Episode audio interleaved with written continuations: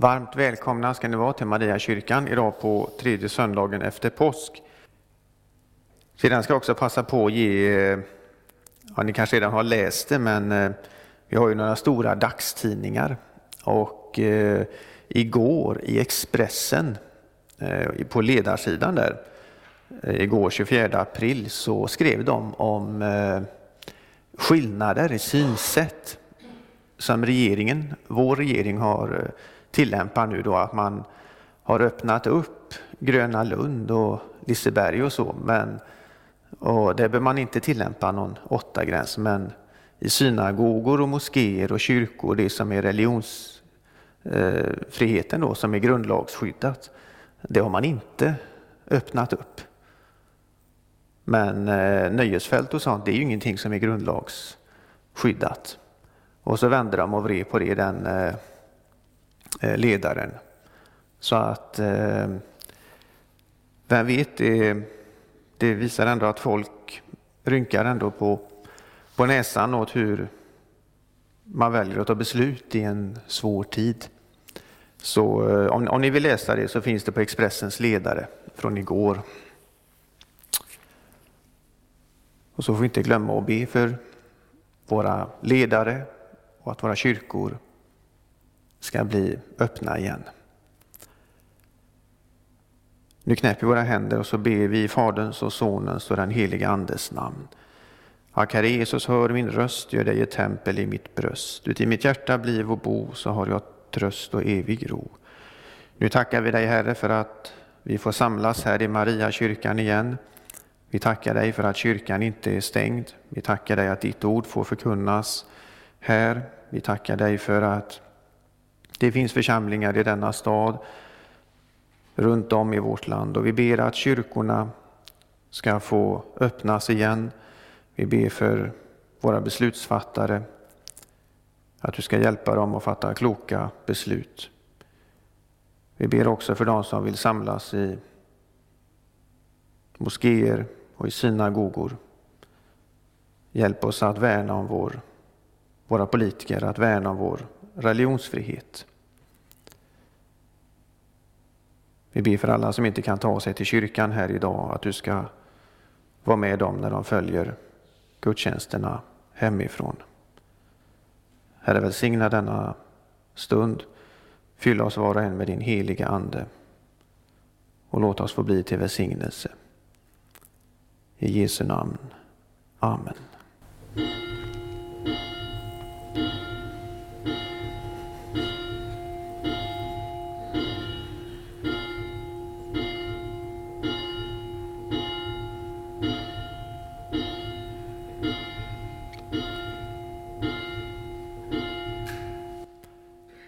Och så börjar vi med att sjunga psalm 469.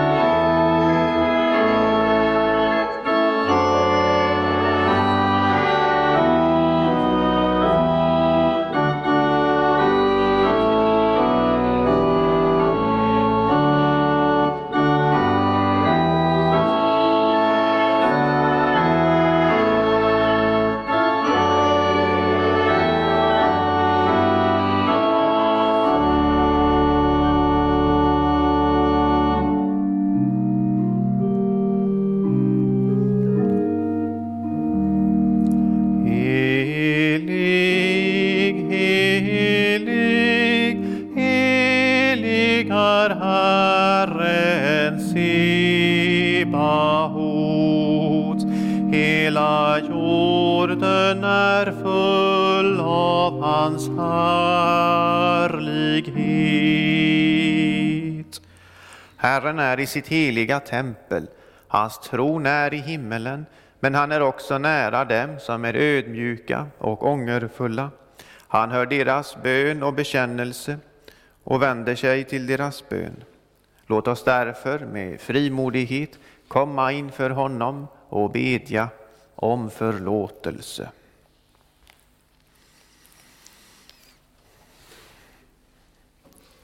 Jag, fattig, syndig människa, bekänner inför dig, helige och rättfärdige Gud, att jag som är född med synd på många sätt har brutit emot dig. Jag har inte älskat dig över allting och inte min nästa som mig själv. Mot dig och dina bud har jag syndat med tankar, ord och gärningar. Jag är värd att förkastas från ditt ansikte om du skulle döma mig som mina synder har förtjänat. Men du, käre himmelske Fader, har lovat att med mildhet och nåd ta emot alla som vänder sig till dig.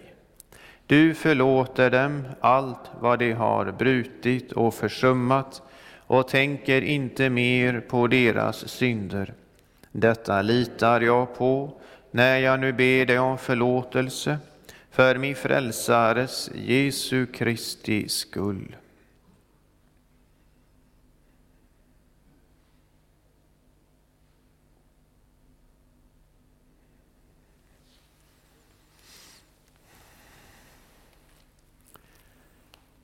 Till dig som ber om dina synders förlåtelse säger jag på Jesu Kristi uppdrag. Dina synder är dig förlåtna i Faderns och Sonens och den helige Andes namn. Amen. Käre Fader i himmelen, vi tackar dig för syndernas förlåtelse genom Jesus Kristus, vår Herre. Amen.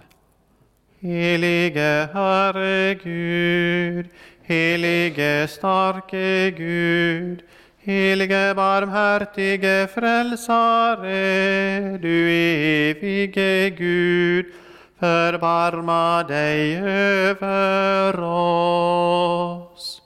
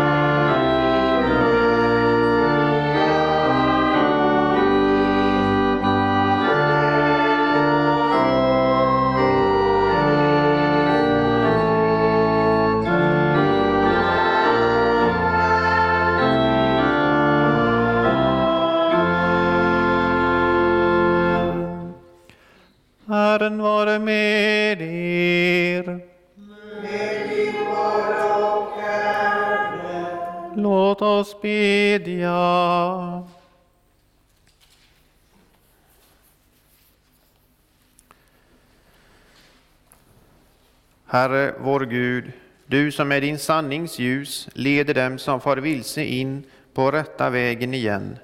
Kom med din nåd till alla som bekänner Kristi namn, så att de vänder sig från det onda och följer det goda.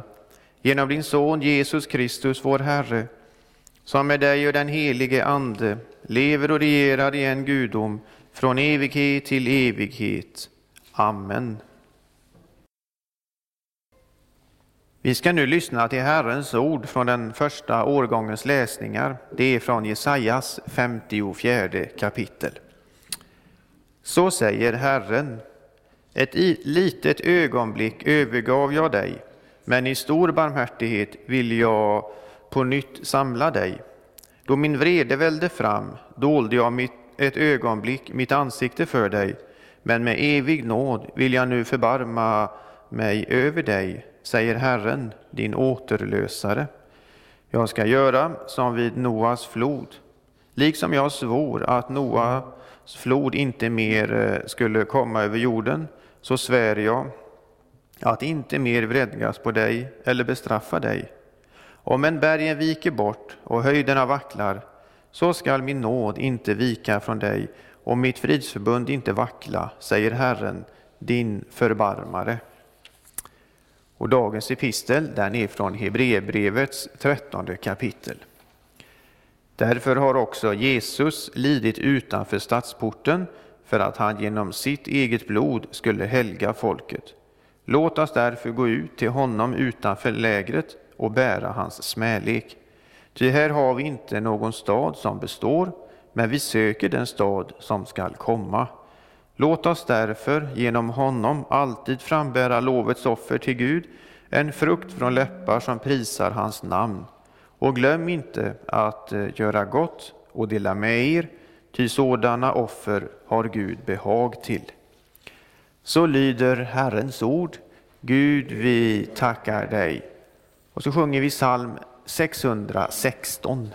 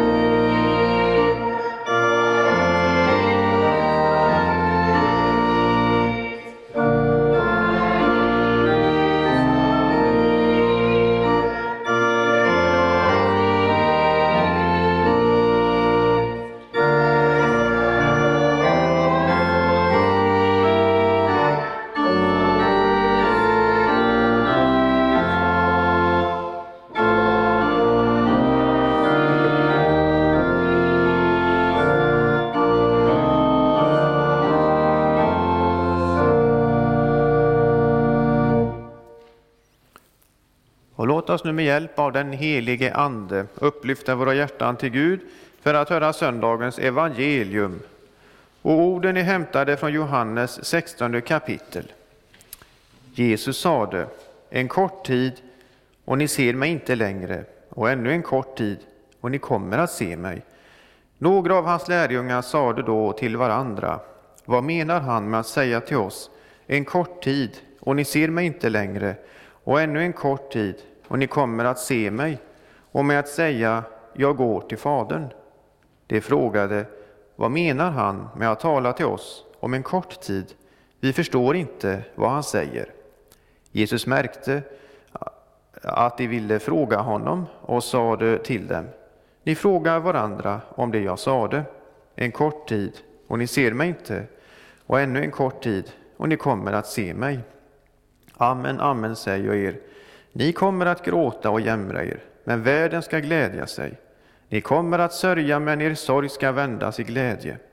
När en kvinna föder barn har hon svåra smärtor, ty hennes stund har kommit. Men när hon har fött barnet kommer hon inte längre ihåg sin smärta i glädjen över att en människa blivit född till världen. Nu är ni också bedrövade, men jag ska se er igen, och då ska era hjärtan glädja sig, och ingen skall ta er glädje ifrån er. Så lyder det heliga evangeliet. Lovad vare du, Kristus. Och låt oss nu högt och gemensamt bekänna vår kristna tro. Vi tror på Gud Fader allsmäktig, himmelens och jordens skapare. Vi tror och på Jesus Kristus, hans enfödde Son, vår Herre, vilken är avlad av den helige Ande, född av jungfru Maria, pinad under Pontius Pilatus, korsfäst, död och begraven, nederstigen till dödsriket, på tredje dagen uppstånden igen ifrån de döda, uppstigen till himmelen, sittande på allsmäktig Gud Faders högra sida, därifrån igenkommande till att döma levande och döda.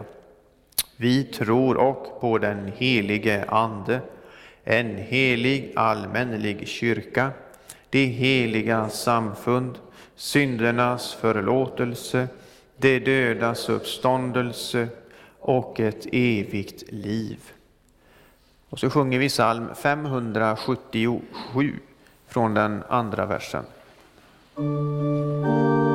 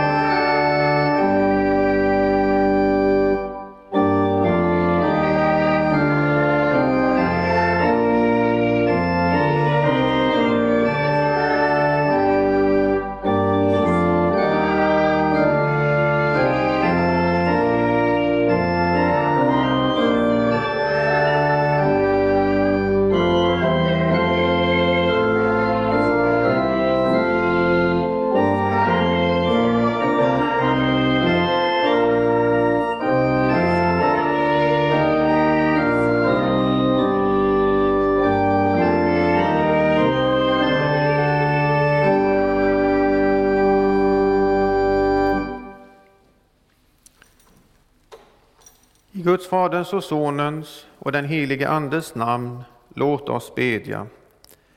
Styrk din kyrkas svaga skara med den gyllene fridens band och för allting ont bevara hus och hem och fosterland.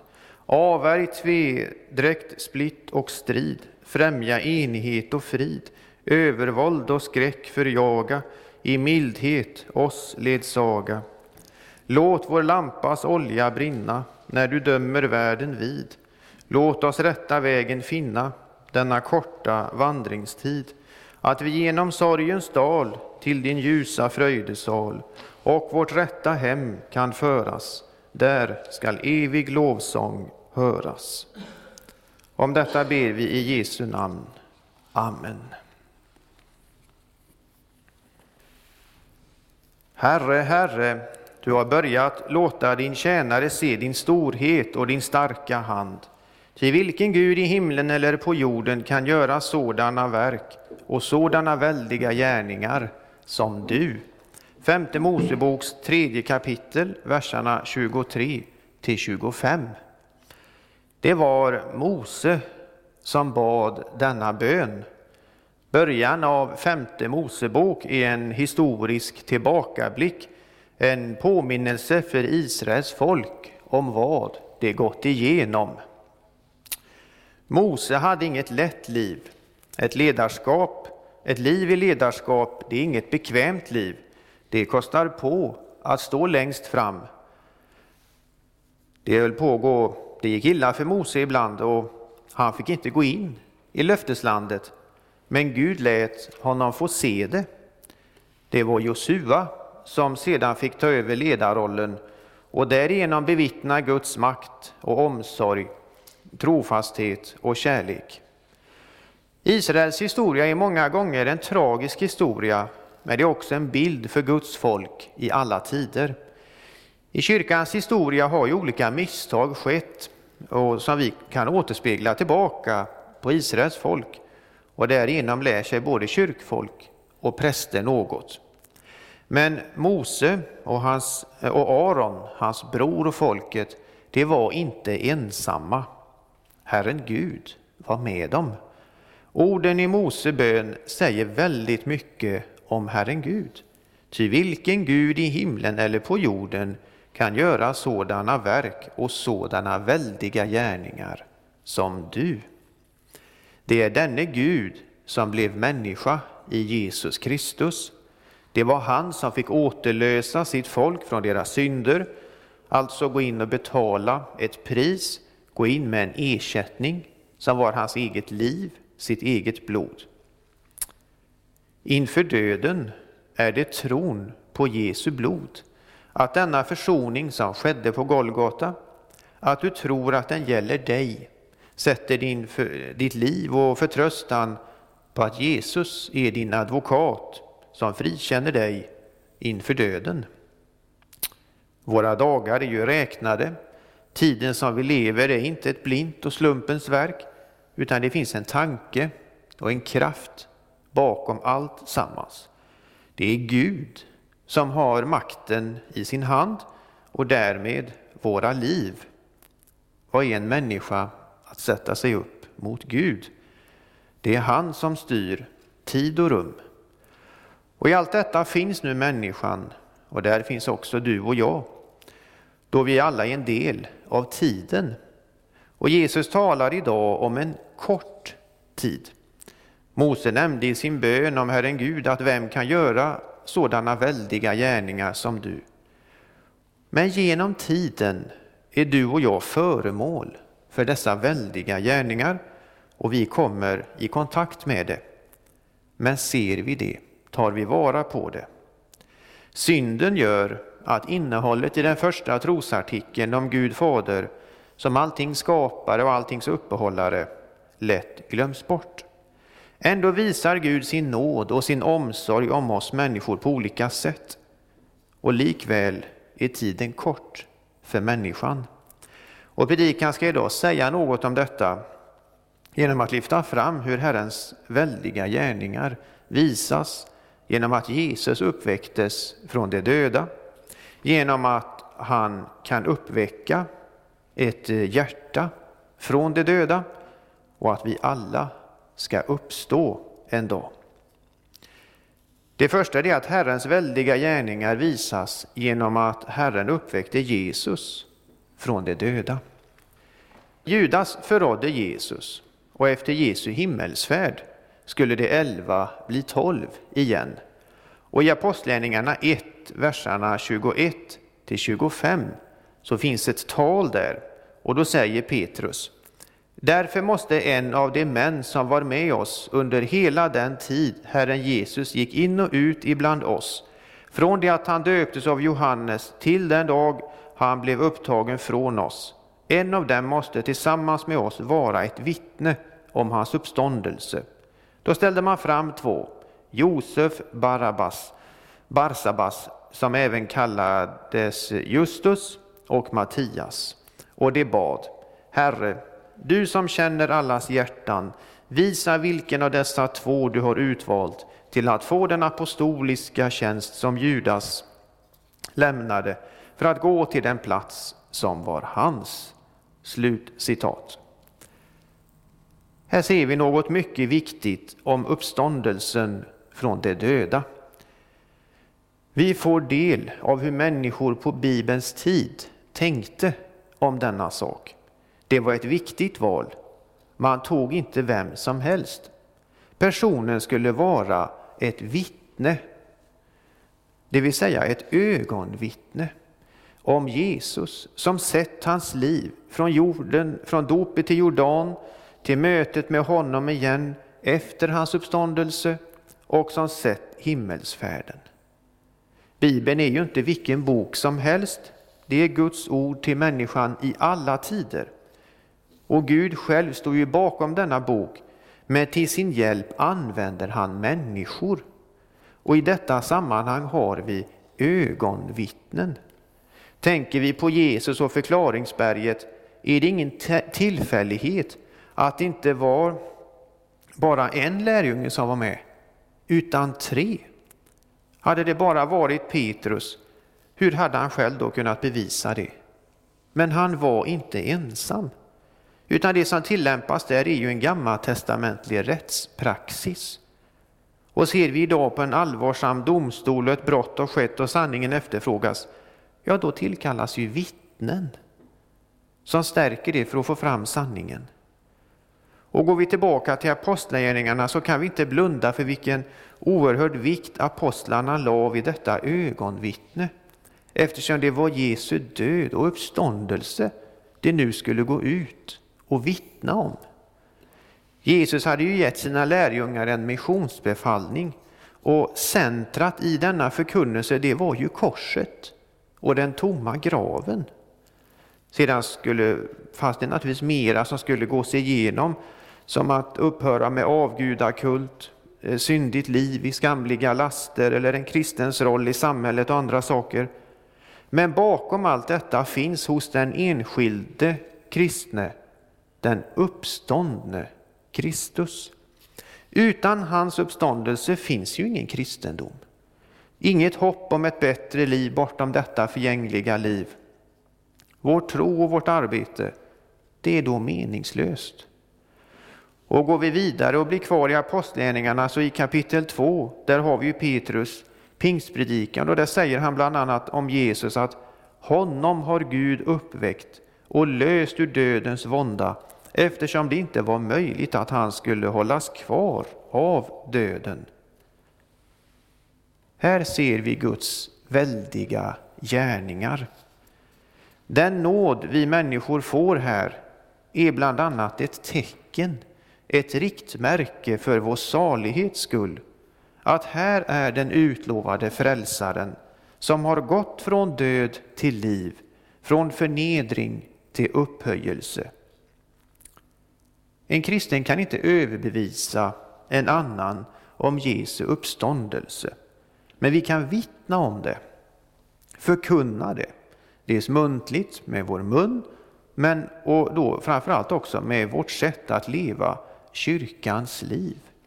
I Hebreerbrevet 11, vers 3 står att genom tron förstår vi att världen har skapats genom ett ord från Gud.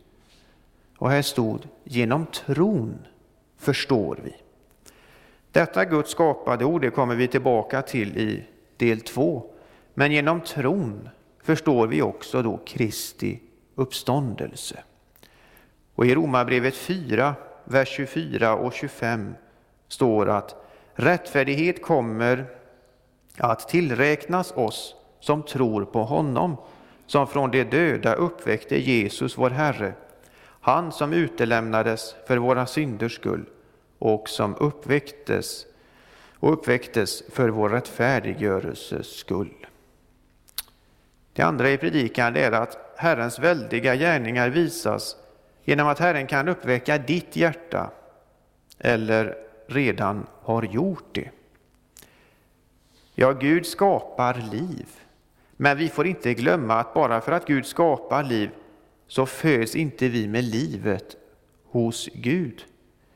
Vi behöver döpas i den treenige Gudens namn och få våra synder förlåtna, evigt liv och salighet. Om vi tänker på Jesu försoning och uppståndelse så är det ett fundament för oss. Men det är även dopet. Och hur praktiseras det? Jo, genom kyrkan. Därför att det finns människor som tar Jesu missionsbefallning på allvar. Präster som sköter sitt prästkall och trogna kyrkmänniskor som vill vara Jesu lärjungar. Och en sak som blir avgörande här är att kyrkans folk använder tiden på rätt sätt så att den inte rinner ut i sanden. Och den springande punkten blir gång på gång Guds ord. Det finns en dold kraft i detta ord som eh, när det läses eller predikas blir synligt. När en människa låter detta ord få tala till sitt hjärta, till sitt samvete och rättar sitt liv därefter, ja, då är det Guds väldiga gärningar som sker. Det behöver inte innebära tungotal och sådant, utan bara en sån sak som trohet. Att människor genom detta ord inte överger sin kristna tro och församling. Och på samma sätt som Gud talade i skapelsens början så talar han genom lag och evangelium till oss idag. Och den som inte avsätter tid för sin omvändelse kommer istället att falla ännu lättare för Satans frestelser. Paulus han skriver i Romarbrevet 8, vers 5 och framåt att de som lever efter sin kötsliga natur tänker på det som hör köttet till. Men de som lever efter anden tänker på det som hör anden till. Köttets sinne är död, men andens sinne är liv och frid. Köttets sinne är fiendskap med Gud. Avgörande i kampen mellan anden och köttet är människans förhållande till Guds ord. Och där blir återigen tiden central, hur den disponeras. Och förr talade man om begreppet nådatid, därför att Gud har skapat oss alla och vill oss alla väl. Han har gett oss en försoning som håller att leva och dö på, en missionsbefallning till sin kyrka och församling, där Jesus är i centrum och som trogna präster och kyrkmänniskor förvaltar. Men om inte människor lyssnar, utan låter kötts gärningar ta överhand, så försummar de sin nådatid, den tid som Gud har gett dem till att kunna göra upp med honom. Bedja honom om förlåtelse för Jesus skull och vända sig från köttets laster till nåd och frid hos Gud. Och försummas tiden här på jorden, denna korta tid, ja, då går man ju också miste om den evighet som Jesus banat väg för till himlen. Och I dagens text så nämnde Jesus om lidande. Och Vi kan ta ett tillägg till detta idag. För när det gäller synsätt idag på lidande så finns det lagar i Europa som godkänner till exempel aktiv dödshjälp inom vården. Och ur kristen synpunkt så är ju inte detta okej. Okay. Bland annat därför att kroppen är ju den helige Andes tempel och vi ska förhärliga Gud med våra kroppar. Gud skapar liv och han bestämmer när livet är slut. Och en sak som händer då om folk anammar ett annat synsätt, det är ju att folk går in och styr när livet ska upphöra. Men då, och då finns ju ingen mer möjlighet till omvändelse. Aktiv dödshjälp förkortar människans nådatid. Det tredje vi ska stanna upp inför det är att Herrens väldiga gärningar visas genom att Herren ska uppväcka oss alla på den yttersta dagen. När en Jesu lärjunge dör inträder en salig väntan. Den troendes kropp är i graven medan själen intar en salig väntan. Denna väntan är inte allt, utan den får sin fullbordan när Jesus kommer tillbaka och då kroppen uppstår igen. Det är inte tal om en andlig, osynlig uppståndelse, utan den döda kroppen uppstår närmast att likna vid hur vi reser oss upp ur sängen efter en nattsömn. Men den bilden stannar där. Döden i sig är ju ingen sömn. När den fattige Lazarus fördes av änglarna till Abraham så fördes han ju inte dit för att få sova. Vid de dödas uppståndelse som sker vid Kristi återkomst så återförenas själen med kroppen igen. Och denna del av vår kristna tro kan verka oförståelig, men då får vi komma ihåg att det är lika svårt att förstå hur ett barn blir till. Det är ett skapelseunder, något som går utöver vårt förstånd och som man får böja sig under. Och på samma sätt är det med uppståndelsen på den yttersta dagen. Den dagen är ju både en glädjens dag och eh, för det omvända, men en sorgens dag för det otrogna. Tiden har varit återkommande i denna predikan och vi ska komma ihåg att efter den jordiska döden finns ju inga mer möjligheter till bättring. Då är det för sent. Därför finns det också ett allvar med tiden. Och allvaret ligger i att försumma Guds nåd. Nåden är inte bara att vi får detta gratis. Kristus dog för våra synder och uppstod för vår rättfärdiggörelses skull och så vidare. Nåden är ju kopplat till tiden. Därför dessa händelser är förlagda i tiden. Det har skett under tidens gång, när det av Gud var planerat. Gud är satt över människan. Det är ju synden som vänder på den sanningen. Det är synden som gör att människan använder tiden som det behagar henne själv. Det finns många fina exempel där ute hur människor offrar sin tid för andra människor. Men andligt sett offras den inte för Gud, som har vår korta tid i sin hand. Och därmed förkastas Jesu offerdöd, kyrkans mission, dopet man blev döpt med. Därför tiden läggs inte där. Guds ords makt får inte möjlighet att smälta stenhjärtat och omforma det. Istället skjuter man döden ifrån sig. Men den kommer. Också, men även när Jesus kommer tillbaka. Och föraktas han nu, då kommer han också med sorg och smärta att förskjuta den som inte ville ha med honom att göra. Den som inte omvände sig och trodde evangelium. I dagens evangelietext finns en ganska svår fråga, om ni tänkte på det. Men vad menar Jesus egentligen med en kort tid? Jag vet inte. Men det spelar ingen roll, för Gud står över all tid. Han använder tiden till sin hjälp för att kunna rädda oss människor från en evig förtappelse. Eller som en gammal präst uttryckte det, tiden står i nådens tjänst. Slut citat. Människan kan när som helst under sin livstid ta emot Guds nåd så tillvida hon inte har förhärdat hjärtat och inte vill omvända sig till Gud. Men Jesus står med öppna armar till den som redan har omvänt sig till honom. Och de armarna är ju inte stängda för den som inte omvänt sig, men som börjat få upp ögonen för att vi också har en själ. Predikan började att tala om Herrens väldiga gärningar, och dessa är insatta i tiden, och tiden är kort, men den står i nådens tjänst. Så hur viktigt är det inte att använda den rätt? Amen. Lovad vare Gud och välsignad i evighet, som med sitt ord tröstar, lär, förmanar och varnar oss.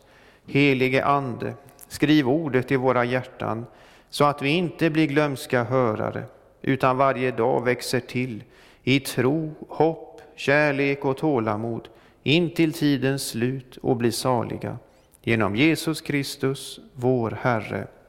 Amen.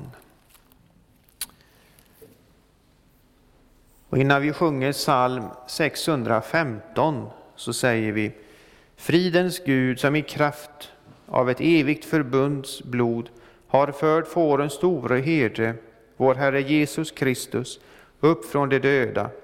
Han må fullkomna er i allt gott så att ni gör hans vilja, och må han verka i oss det som behagar honom, genom Jesus Kristus. Honom tillhör äran i evigheters evigheter. Amen.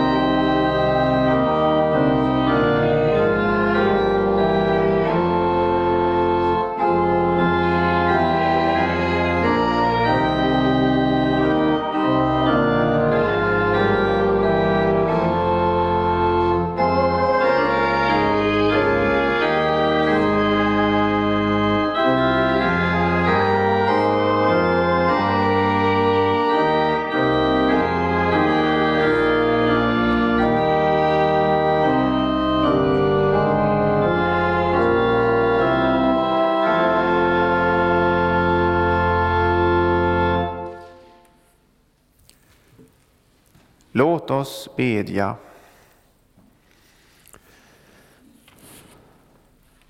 Herre vår Gud, vi ber dig, styrk och led din kyrka och samla ditt folk kring ordet och sakramenten. Låt ditt evangelium nå ut i hela världen och väcka levande tro. Vi ber för biskop Bengt och hans arbete.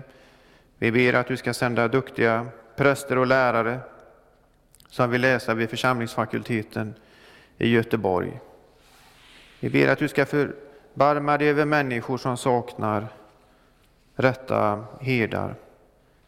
Vi ber att du ska väcka och kalla kyrkmänniskor till vårt land och till vår församling.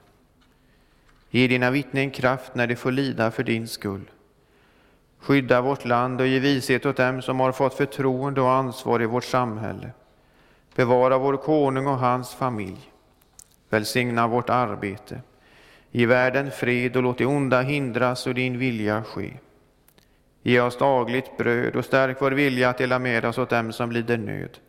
Låt våra hem präglas av sammanhållning, trygghet och kristen tro. Hjälp oss att värna om det heliga äktenskapet som du har instiftat mellan man och kvinna. Och hjälp oss också att stå upp för livet i dess början och i dess slutskede. Gör vår församling till ett hem där vi får mötas i bön, arbete och gemenskap. Och vi tackar dig för denna kyrka och församling, att vi får komma samman här och fira gudstjänst. Vi ber för Sveinung som leder allt arbete.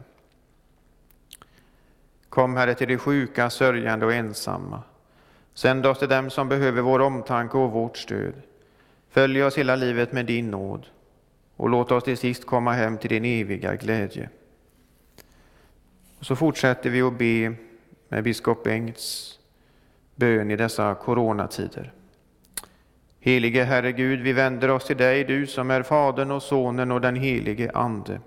Vi prisar dig för din makt och din härlighet. Vi bär fram all den oro och all den nöd som kommer av coronavirusets framfart. Vi ber, bevara och beskydda oss för allt ont. Särskilt ber vi om beskydd mot coronaviruset. Ge oss vishet i hur vi ska leva ansvarsfullt och rätt med vår nästa. Vi ber för alla oroliga. Var du, Herre, deras trygghet och låt dem möta mänsklig medkänsla. Vi ber för alla drabbade. Herre, kom med helande och hälsa och läkedom. Vi ber för alla gamla och utsatta. Herre, var du deras beskydd. Vi ber för alla som vårdar de sjuka. Var med dem i deras uppgifter. Ge dem beskydd och kraft att orka. Vi ber för alla som blir isolerade.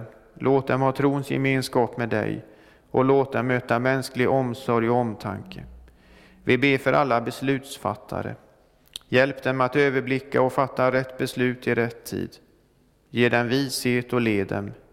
Vi ber för oss alla. Sänd oss dina änglars beskydd dag och natt. Vi ber för vårt folk. Omvänd oss till dig, du vår frälsnings Gud. Gör oss till ett folk som söker dig och följer ditt ord. Genom din son Jesus Kristus, vår Herre. Amen. Och så ber vi den bön som Jesus har lärt oss. Fader vår som är i himmelen. Helgat varde ditt namn. Tillkommer ditt rike. Ske din vilja så som i himmelen så och på jorden. Vårt dagliga bröd giv oss idag och förlåt oss våra skulder så som och vi förlåta dem oss skyldiga äro. Och inled oss inte i frestelse utan fräls oss ifrån ondo. Ty riket är ditt och makten och härligheten i evighet. Amen.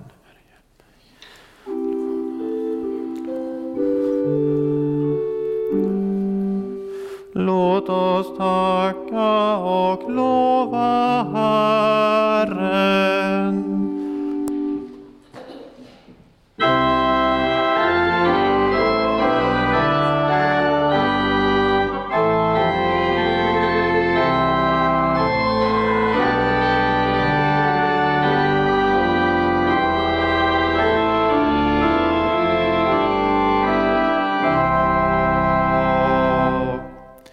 Tag emot Herrens välsignelse.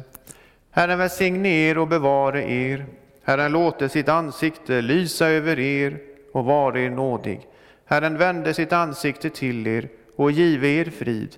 I Faderns och Sonens och den helige Andes namn.